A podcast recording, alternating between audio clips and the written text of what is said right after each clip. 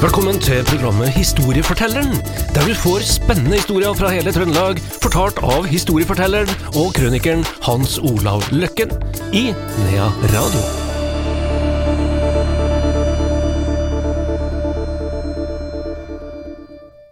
Velkommen tilbake til vår historieforteller Hans Olav Løkken. Eh, nye Ja, historier Nye historier på gang.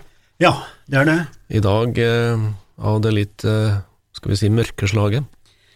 Ja, det er det i og for seg. Vi skal til uh, Gjevingåsen, som eh, på mange måter er porten da, mellom eh, la vi si Nord-Trøndelag og Sør-Trøndelag. Og de fleste har jo kjørt over der inntil vi fikk Helltunnelen, da. Mye som har skjedd der. Ja, der har det skjedd mye. Og eh, eh, det som er litt eh, interessant med Gjevingåsen, er jo at eh, de kan påvise at det gikk hele seks veier over Gjevingåsen. Altså, de brukte jo bare én vei, men eh, i løpet av mangfoldige hundre år så hadde det utvikla seg til seks stier og veier, da. Og det var jo oppsitterne som hadde ansvaret for veiene før i tida. Og eh, Sigurd Kvaar, da, som har bodd oppe i Evingåsen hele sitt liv, han eh, har tatt meg med på flere av de veiene, og vi har hatt eh, guiding, og historielaget har vært på vandring der, og så videre og så videre. Men det tilknytter seg en del historier, og den eldste er jo et sagn om eh, ei brur, så vi snakker om brura på Gjevingåsen, som stadig går igjen, da. Og det dreier seg om eh, fra, ja, vi skal utrolig langt tilbake, men historia sier at det var ei brur da som skulle til Trondheim og, og gifte seg.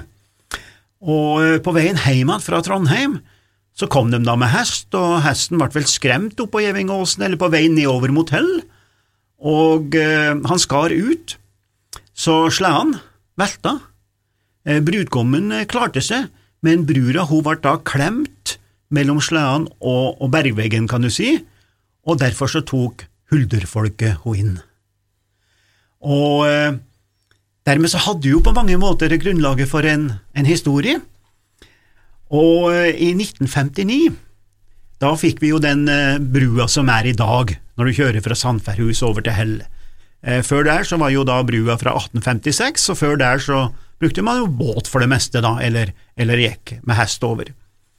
Men i 59, når man laga brua, så forandra man litt veien oppover der. Og en dag, da, uti i 59, så kom det kjørende en bil over Gjemmingåsen fra Trondheimssida, og var på veien over. Han kjørte litt forsiktig, for det var første gang han kjørte etter at det hadde blitt en ny øh, vei nedi svingene der, og, og bru, og så regna det litt. Og så kjører han, da, og så føler han kanskje at det er noen som er på høyresiden av seg. Så han kaster jo bilen litt til venstre, da. Du vet jo hvor usikkert det kan være når du kjører i litt sånn regnvær og du ser ikke godt og sånn. Men så måtte han jo konsentrere seg om å ikke kjøre i venstre kjørebane, da, så han, han måtte jo øh, kaste blikket på veien. Så blikket hans var litt borte fra den der berghylla, kan du si, og så ser han tilbake, og da var vedkommende borte. Men på hjernen så festa seg da det som han mente måtte ha vært et kvinnemenneske i, i, i sidkjole og en krone på hodet, og der dukka da altså brura opp, da. Men han, han skulle jo møte noen folk, i- kamerater, etter et lystig lag, så han har visst, etter som jeg forstår, ikke sagt noe om det der, for han ville jo ikke bli trodd på likevel.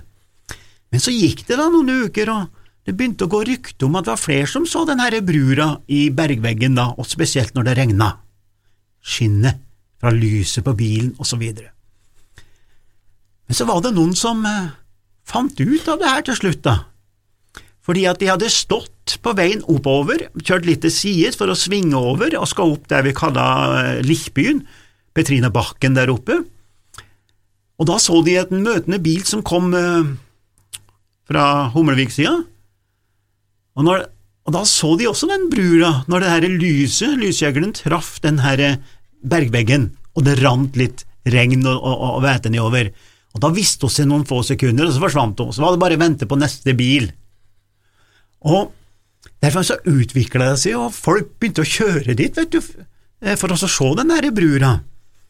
Og så, for noen år siden da, så traff jeg han eh, redaktøren i, i bladet, i Malvik Blad, vet du, de holdt det i Hummelvik, han Iversen, han kan være en ganske ung gutt, vet du, han er blitt eldre han nå, men eh, han fortalte meg, vet du, med ære og samvittighet at han hadde sett brura eh, da i 81.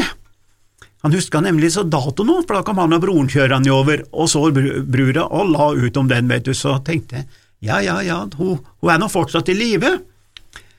Og eh, det som er interessant nå, er jo at jeg, noen har fortalt meg at nå har de sett brura på andre sida av Gjevingåsen, altså ned mot Muruvika, for der er også litt berg nedover, vet du, men da må de kjøre andre veien antagelig, da.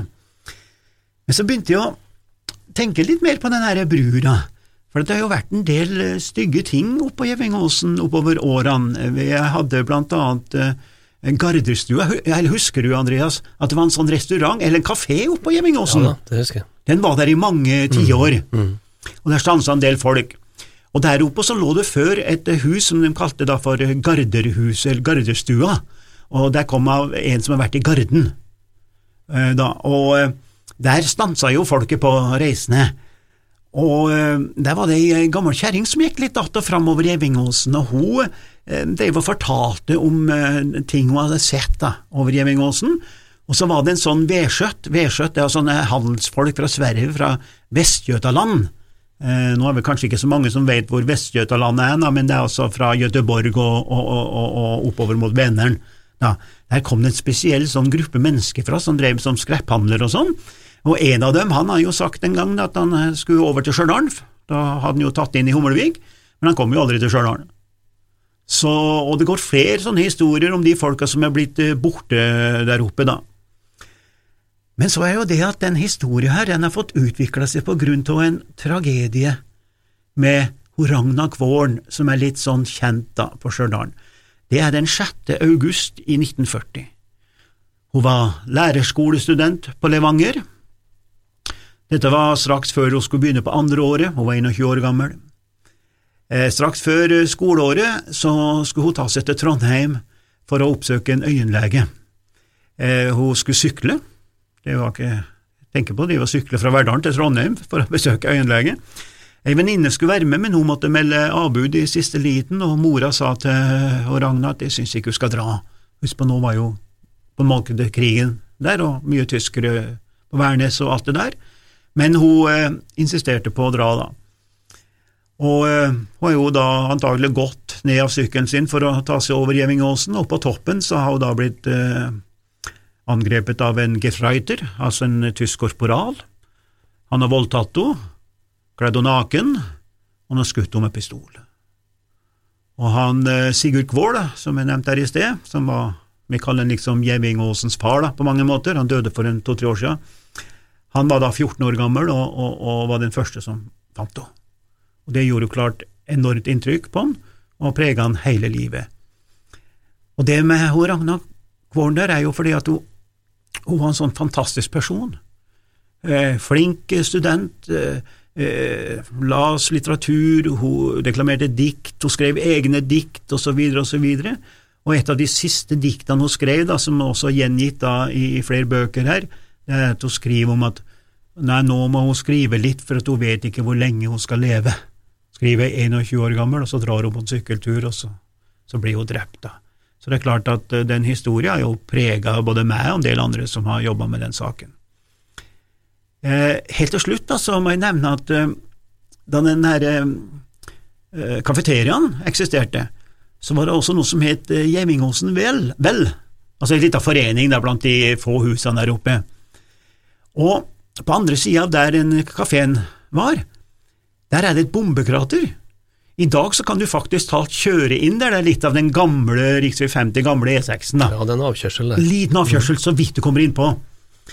Og derfra så hadde de laga da, den gangen, eh, noen planker bortover til ca. 50 meter, med litt sånn myrterreng. Så de har laga noe plank, da, og satt opp en informasjonstavle, og mye sånt som som uh, vi er ganske flinke til i Norge, men så er vi ikke flinke til å bevare det, så naturen tar det veldig fort tilbake, ikke sant, for dette råtner jo opp da. Her. Men der var det veldig mye folk som stansa, og så gikk de bort til det krateret der. Da, og det var krateret av Sigurd Kvål. Han var da nærmeste nabo fra gården der oppe, og han gikk jo til det krateret, jeg skal ikke si daglig, men han var nok bortom der i hvert fall eh, av og til, for å sjekke at det var der, i gåseøynene. Og det som var så interessant med det krateret, og som er der fortsatt en dag i dag, det er at det gror ikke noe der. Til tross for at det er myrtilsig, så er det altså helt grått, ingenting som gror. Er det en symbolikk også på dette her med Gjevingåsens mystikk, da, kanskje?